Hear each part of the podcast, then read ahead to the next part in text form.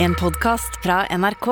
De nyeste episodene hører du først i appen NRK Radio.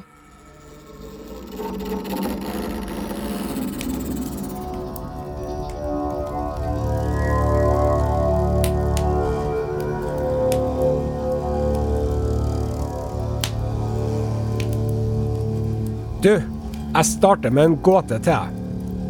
Hvis du har kongen av Norge og kongen av Sverige i samme rom, hvor mange personer er det i det rommet? Én! Det er én person i det rommet. Hæ? Der lurte jeg deg godt. For kongen av Norge og kongen av Sverige er samme person, nemlig. Magnus Eriksson. Det banker på døra. Kom inn, sier kongen av Norge, som også er kongen av Sverige. Inn kommer det en ridder. Ikke rustning og full mundur, nei, men han er ridder. Svensk ridder.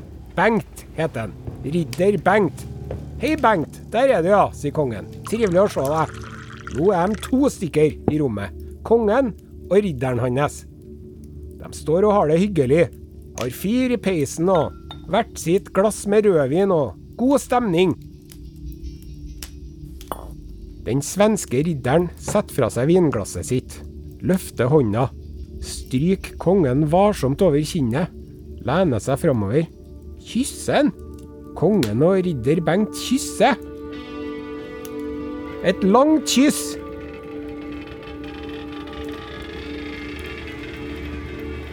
Jæven! Kong Magnus, kongen av Norge og Sverige, og ridderen hans, de kysser ennå, gjør de. Nå er det altså ikke kyssing lenger. Kongen står og kliner med ridderen sin. De hongler, som de sier på svensk. Det er jo rene ridderromansen her. De smiler og småler og koser seg. Stryker hverandre over hoftene og ryggen.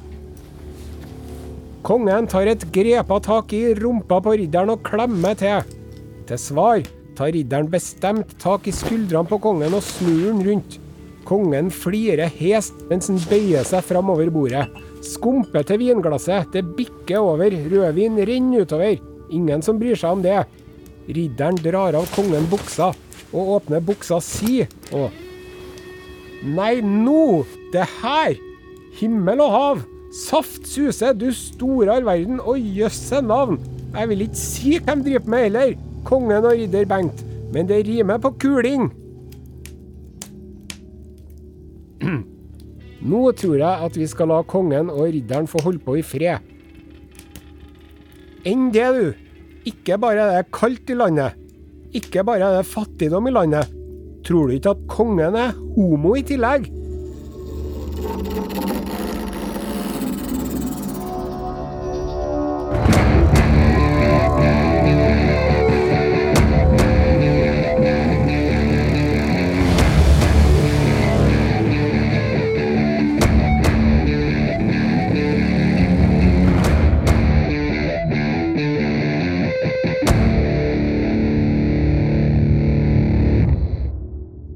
Hører Kongerekka med Are Sende Osen, sesong tre. En podkastserie om de norske kongene. Episode ni Magnus Eriksson og Håkon Magnusson. Kongen som ble satt i fengsel. Av kongen.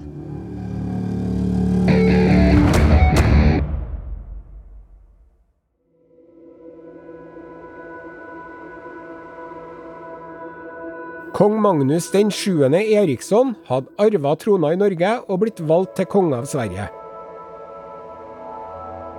De mente altså at han var skeiv.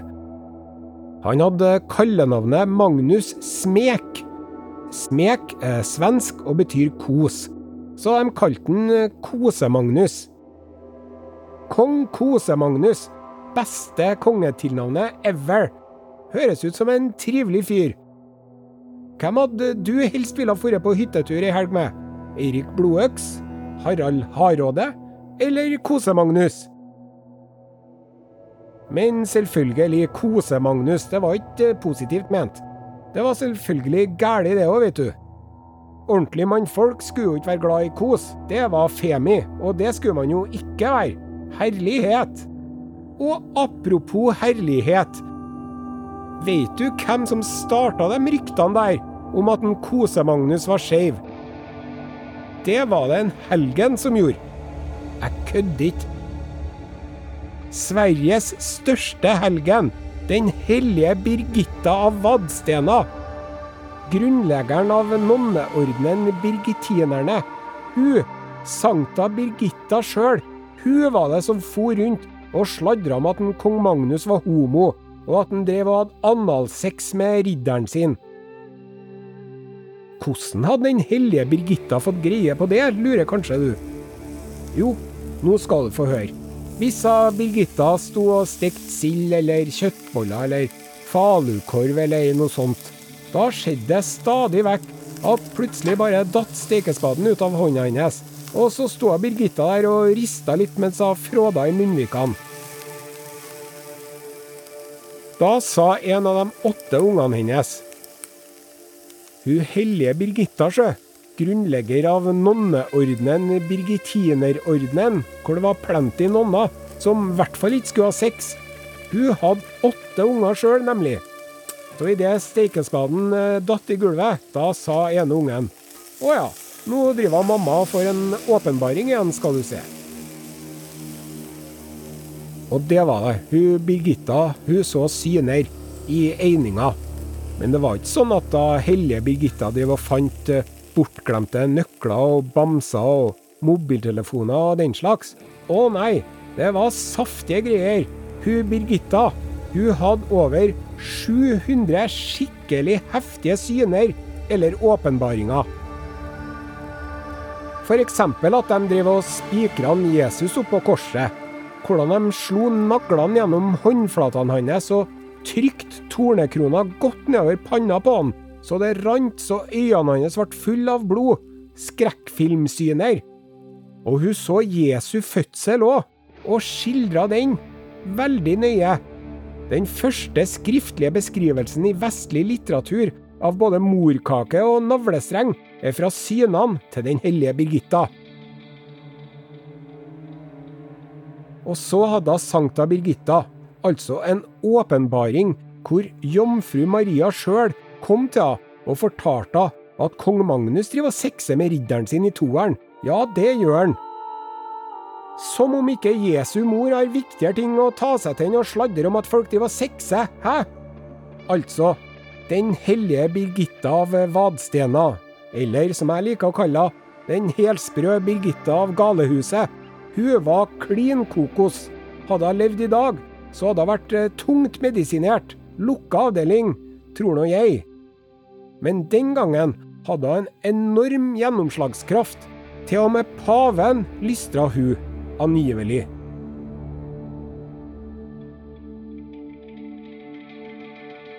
OK, det kan jo hende, det kan jo hende at jomfru Maria faktisk fortalte dette til Birgitta. Det kan hende. Eller så kan det være at hun Birgitta hata kong Magnus, for det gjorde hun. Og ikke ville at han skulle være konge, for det ville hun ikke. Og at Birgitta ville at det ene barnebarnet hennes skulle være konge isteden, for det ville hun nemlig. Så dere homoryktene om en kong Magnus, ikke at det er noe galt å være homo, jeg tar dem med en klype salt. Men om det nå var sånn at en kong Kose-Magnus drev og kosa med ridderen sin, så kan han ikke bare ha vært homo, for han kosa med kona si òg. Han Magnus han hadde nemlig fem barn med dronning Blanka. Han Magnus var gift med ei belgisk fyrstedatter, Blanka av Namur. Dette her er jo komplett kaos. Helsprø helgener, ridende riddere, kosende konge med dronning. Nå må vi ta og roe oss ned litt her. Hva er bildet egentlig? Jo, da lille Magnus var bare fire år, arva han tronen i Norge av bestefaren sin. Lille Magnus var nevøen til svenskekongen også, og svenskekongen døde uten arvinger. Da sa svenskene hurje da meg, vi velger også norskekongen til kung, kung av Sverige med. Siden Magnus var så liten, så ble det noen andre som styrte for han. Stormenn og riddere og mektige menn. Et riksråd. To riksråd. Et riksråd i Norge og et riksråd i Sverige. Og mora til en kong Magnus, Ingebjørg, hun prøvde så godt hun kunne å styre de her to riksrådene. Men disse riksrådene skulle selvfølgelig ikke styres av noe gjeskla kvinnfolk, så hun ble skvisa ut etter et par-tre år. Og så var det en norsk ridder som styrte i Norge, og en svensk ridder som styrte i Sverige. Da kong Magnus ble 16 år, tok han over styringa sjøl. Da var det at han gifta seg med Blanka av Namur. De gifta seg i Norge, Tønsberg antageligvis, og så for de til Sverige etterpå og ble krona der. Og dere der, bryllup i Norge, kroning i Sverige, det illustrerer at en kong Magnus prøvde å være rettferdig og dele seg, og være konge over Norge og Sverige samtidig. Men det var ikke enkelt. Det var mye styr, og det var mange som ikke syntes at det var noen god idé at Norge og Sverige skulle ha én konge. Og Norge og Sverige hadde ikke alltid samme interessene, sant? Så å være konge over Norge og Sverige samtidig, det ble som å stå i en spagat som ble bredere og bredere, kan du si. Og til slutt var det nesten som om en holdt på å revne på midten, han kong Magnus. Men da gjorde han noe lurt, sjø. Kose-Magnus og dronning Blanka drev jo som sagt homorykter til tross, og fikk unger stadig vekk. De hadde en sønn som het Erik, og en annen sønn som het Håkon. Så han kong Magnus sa hør her, kjempeidé. Nå blir en Erik konge av Sverige, og Håkon blir konge av Norge. Og så er jeg konge over begge rikene, sammen med hver av dem. Men på sikt når jeg en gang vandrer hen, får håpe det blir lenge til, da har Norge og Sverige hver sin konge, og situasjonen er igjen helt normal, og alle er fornøyd. Så med de to sønnene sine sørga Magnus for fred mellom Norge og Sverige, og en fin fordeling av arva si. En veldig bra plan, som gikk eh, tålelig greit. Nei, hva jeg sier, det gikk ikke greit i det hele tatt. Det ble veldig mye styr og leven og tull. Det var slitsomt. De norske stormennene gjorde opprør, og de svenske stormennene gjorde opprør, og så gjorde de norske stormennene opprør igjen. Og så ble det krig med danskekongen og med Hansa-forbundet. Så du skulle tro at en kong Kose-Magnus hadde nok på tallerkenen sin, eller tilrekkelig på sin talerik. Men nei da. Tror du ikke at en Kose-Magnus så seg litt rundt, klødde seg bak øret og sa til seg sjøl hvordan kan jeg komplisere situasjonen ytterligere? Jeg veit det. Korstog. Jeg skal feire i korstog, jeg. Og så gjorde han det. For i korstog, ja. Mot novgorodingene i dagens Russland. For han skulle kristne dem. Ja, men Herre Jesus, sa novgorodningene. Vi er jo allerede kristna, vi. Og hvis du ikke tror oss, kan du dra til patriarken i Konstantinopel og snakke med han. Patriark bare fark, svarte Kose-Magnus. Det er paven som gjelder. Nå skal dere kristnes. Så det korstoget her, da, det var jo ikke et eh, ordentlig korstog. Det handla egentlig ikke om religion. Det handla om hvem som skulle bestemme i Østersjøen. Og det hadde svenskene og dem som bodde rundt der krangla om i flere hundre år. Men eh, religion, korstog, var et eh, fint påskudd, da.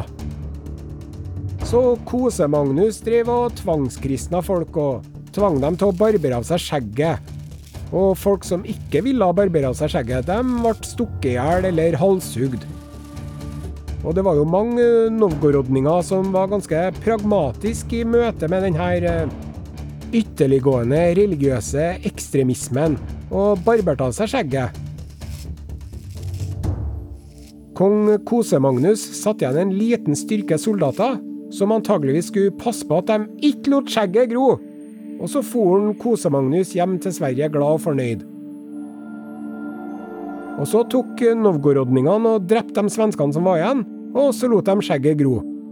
Og så måtte han kong Magnus tilbake igjen og sa herlighet, hvor vrang dere er. Nå må dere døpes igjen.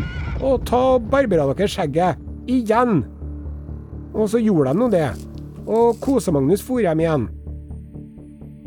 Og da tok novgorodningene og drepte de svenskene som var igjen og skulle passe på at de ikke grodde ut skjegget sitt, og så grodde de ut skjegget sitt.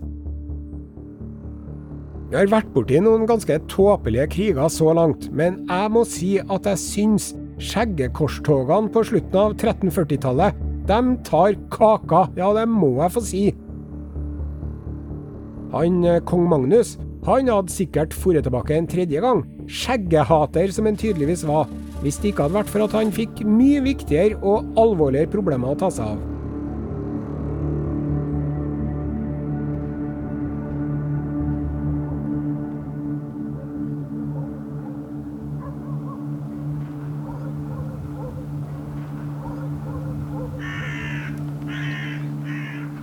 Det var ei lita, gammel kjerring som for og rak.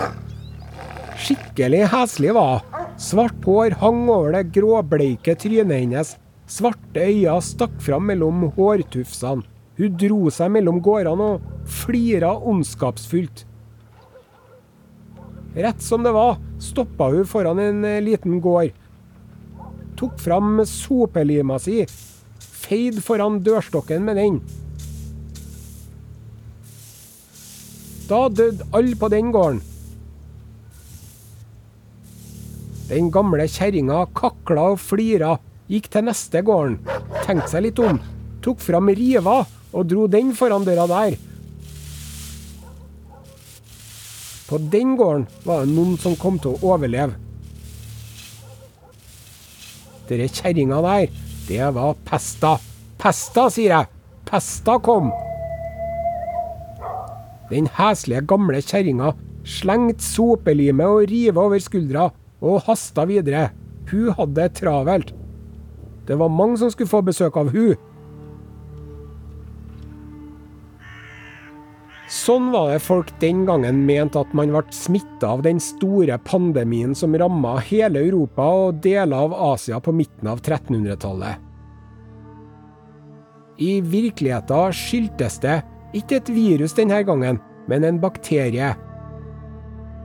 Pestbakterien levde i lopper som levde på rotter, og når rottene daua, var det masse lopper som lå på ei død rotte i rennesteinen og tenkte hva gjør vi nå?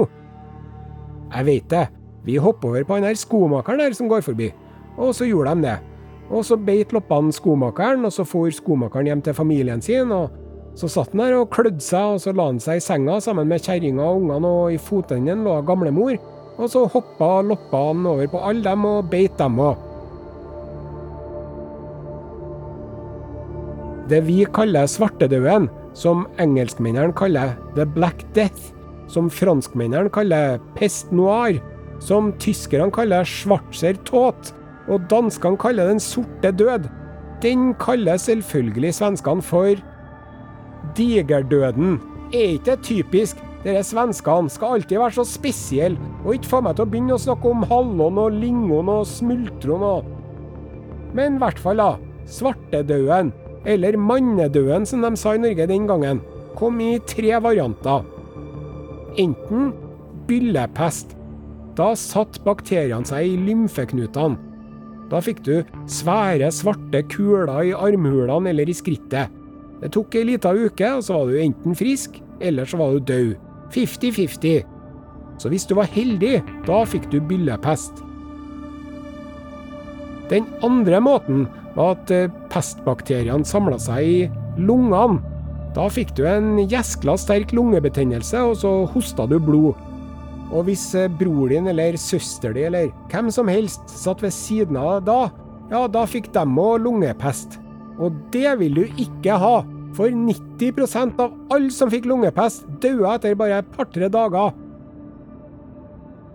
Og så var det noen som fikk det i blodet. Da verken hosta du eller hadde heslige biller, du var bare gjeskla sjaber og i dårlig form og daua mens du var ute og gikk. Ingen unntak. Steindau. Svartedauden var ikke noen ny sykdom.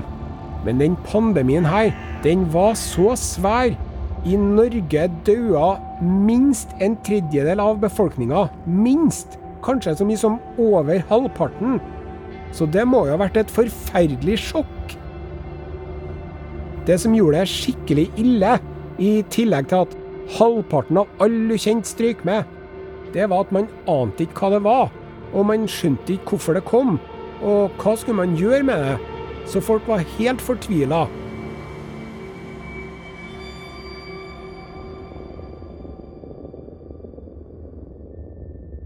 Heldigvis, den gang som nå, myndighetene tok ansvar. Han kong Magnus, han sa klart ifra at det her, det er Guds straff. Det er det det er, ikke noe tvil om det. Og sånn går det når vi synder og ikke gjør som en gud vil. Men slapp av, vi har noen tiltak og restriksjoner som skal ordne opp i det her uføret. Det er viktig at man ofrer til Gud og gir penger til de fattige. Om fredagene da skal man faste på vann og brød. Eller i det minste øl og brød. Jeg hadde nå tatt øl og brød, jeg, da. Hver fredag skal alle møte opp på kirkebakken, barbeint, og så lager vi en stor flokk, så tett som mulig. Og så går vi sammen rundt og rundt og rundt kirka mens vi gret og bærer oss og roper til Gud at vi angrer oss og at han må være snill med oss. Og hvis det er noen som vil piske seg sjøl mens de gjør dette her, så er det topp. Sett i gang! De drev ikke akkurat og begrenser nærkontaktene sine, for å si det sånn. Så den pesten her, da, den feide over hele befolkninga. Hele bygda lå nesten tom igjen. Spøkelsesbygda og spøkelsesgårder. Og i løpet av et par år så var pesten over. Eh, Pesten var ikke over. Den kom og gikk i mange hundre år framover. Kom i bølger, år om annet.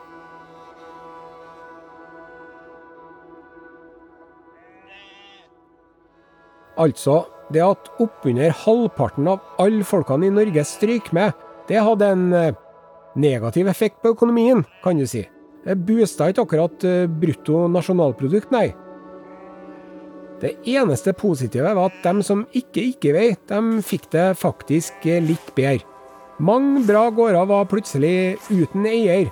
Var bare å ta over. Kunne være skikkelig god jord til og med. Noen av etterkommerne deres heter Ødegård den dag i dag.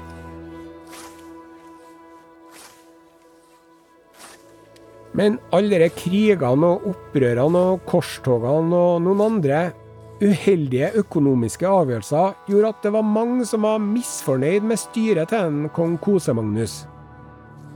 Blant annet sønnen hans, svenskekongen, Erik Magnusson.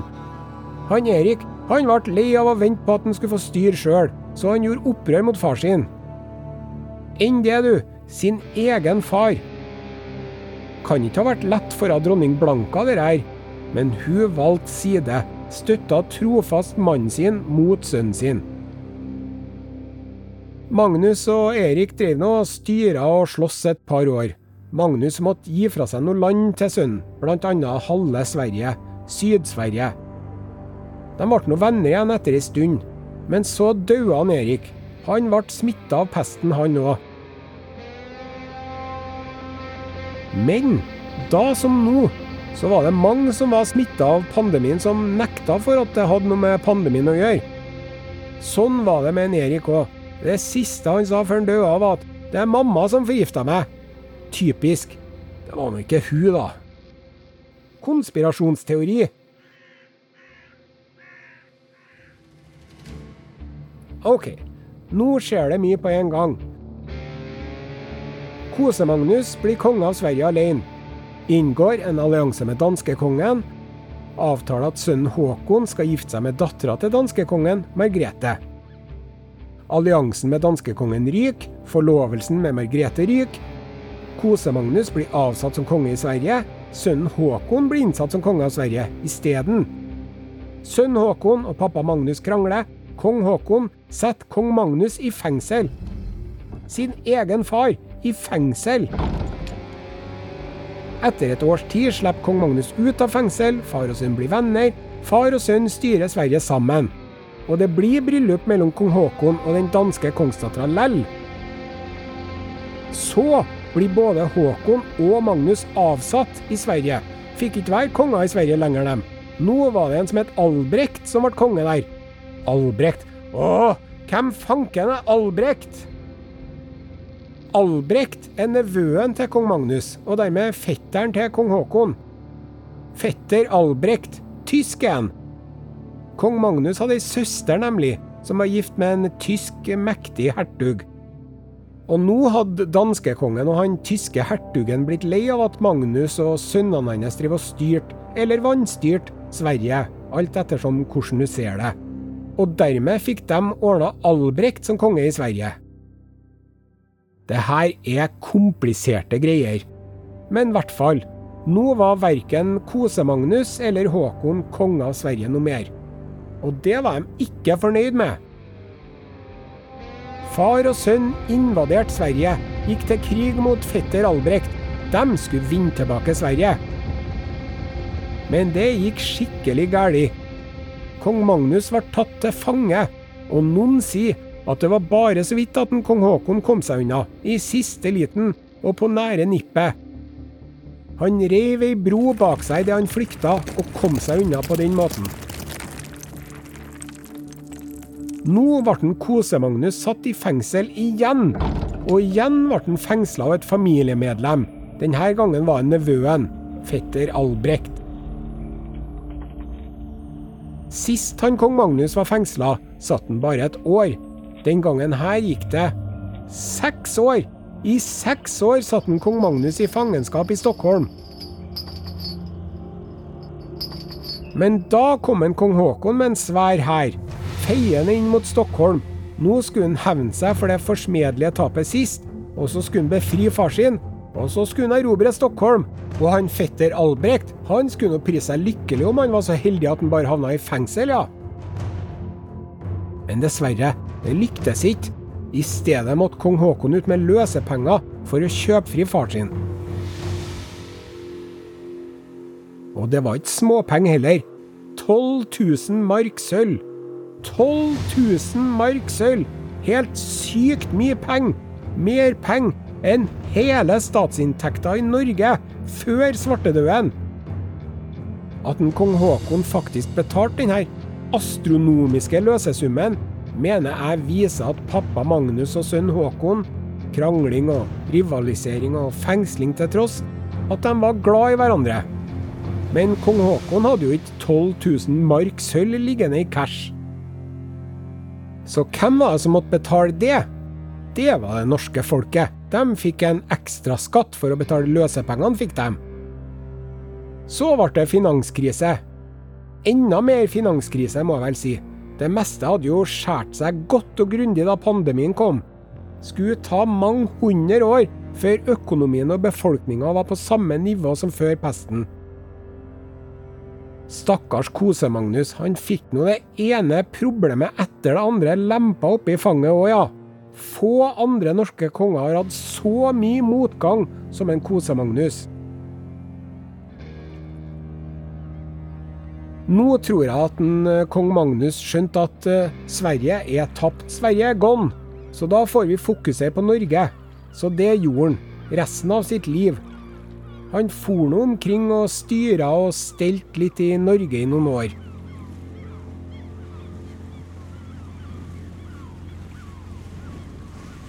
Første desember 1374, da var han på vei i båt fra Bergen til Tønsberg. Skulle feire jul der, sammen med sønnen Håkon og svigerdatter Margrethe. En av dronning Blanka, da, kona. Nei, hun var død. Hun hadde vært død i ti år, hun. Hun stakkars Blanka daua mens kong Magnus var borte i Sverige og styra. Og det hun etterlot seg, det var ikke noe mye å skryte av, gitt, for ei dronning. Det var noe tøy, litt krydder, et par bordkniver, en liten bolle, et vakkert skrin, og så til slutt et par bordduker som hadde vært ofte på bordet, og et par linlakener som ofte hadde vært i senga, som de noterte i arkivet til kongen. Med andre ord to slitte, slitne duker og to slitte, slitne laken. Så det var ikke glamorøst, nei. Hvis Blanka og Magnus hadde vært konge og dronning i dag, hadde de kanskje vært nødt til å bli med i Luksusfellen på TV. Men i hvert fall. Dronning Blanka var død for lenge siden, og Kose-Magnus skulle feire jul til junior og svigerdattera si. Men kong Magnus kom aldri fram. Skipet hans krasja. Grunnstøtte, heter det, i Bømlafjorden. Kong Magnus og hele mannskapet hans, 25 stykker, drukna, alle sammen. Sønnen Håkon Magnusson ble konge over Norge alene. Året etter døde danskekongen. Og du vil ikke tro det, han hadde ikke noe sønn i livet, han heller. Men danskekongen hadde jo ei datter, Margrete, som var dronning i Norge. Og hun dronning Margrete og kong Haakon hadde en sønn som het Olav. Og faktisk, i 1376, da ble lille Olav Håkonsson valgt til konge av Danmark, enda han bare var en liten guttunge. Så altså, Håkon Magnusson, som var konge av Norge alene, og sammen med far sin, og så konge av Norge og Sverige alene, og sammen med far sin, og så konge av Norge sammen med far sin, og alene. Det er umulig å henge med her. Men i hvert fall, nå hadde han en sønn som var konge av Danmark. Noen år etter at lille Olav ble konge i Danmark, døde kong Håkon Magnusson, knapt 40 år gammel. Olav arva Norge og ble konge. Du store all verden, nå var han konge av både Norge og Danmark. Det var deilig! Blir Danmark eh, norsk nå, da? Blir den gamle norske drømmen om å være mektigst i Norden virkelighet? Gjør den det?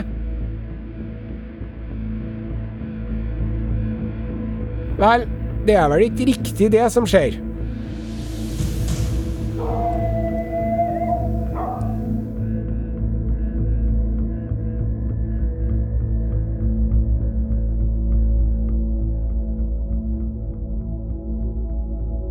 Kongerekka er laga av Are Sende Osen og Ragnhild Sleire Øyen.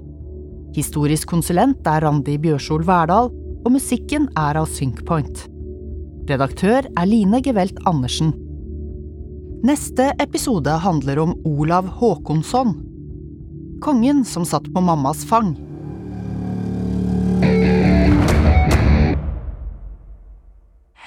Du har hørt en podkast fra NRK. De nyeste episodene hører du først i appen NRK Radio.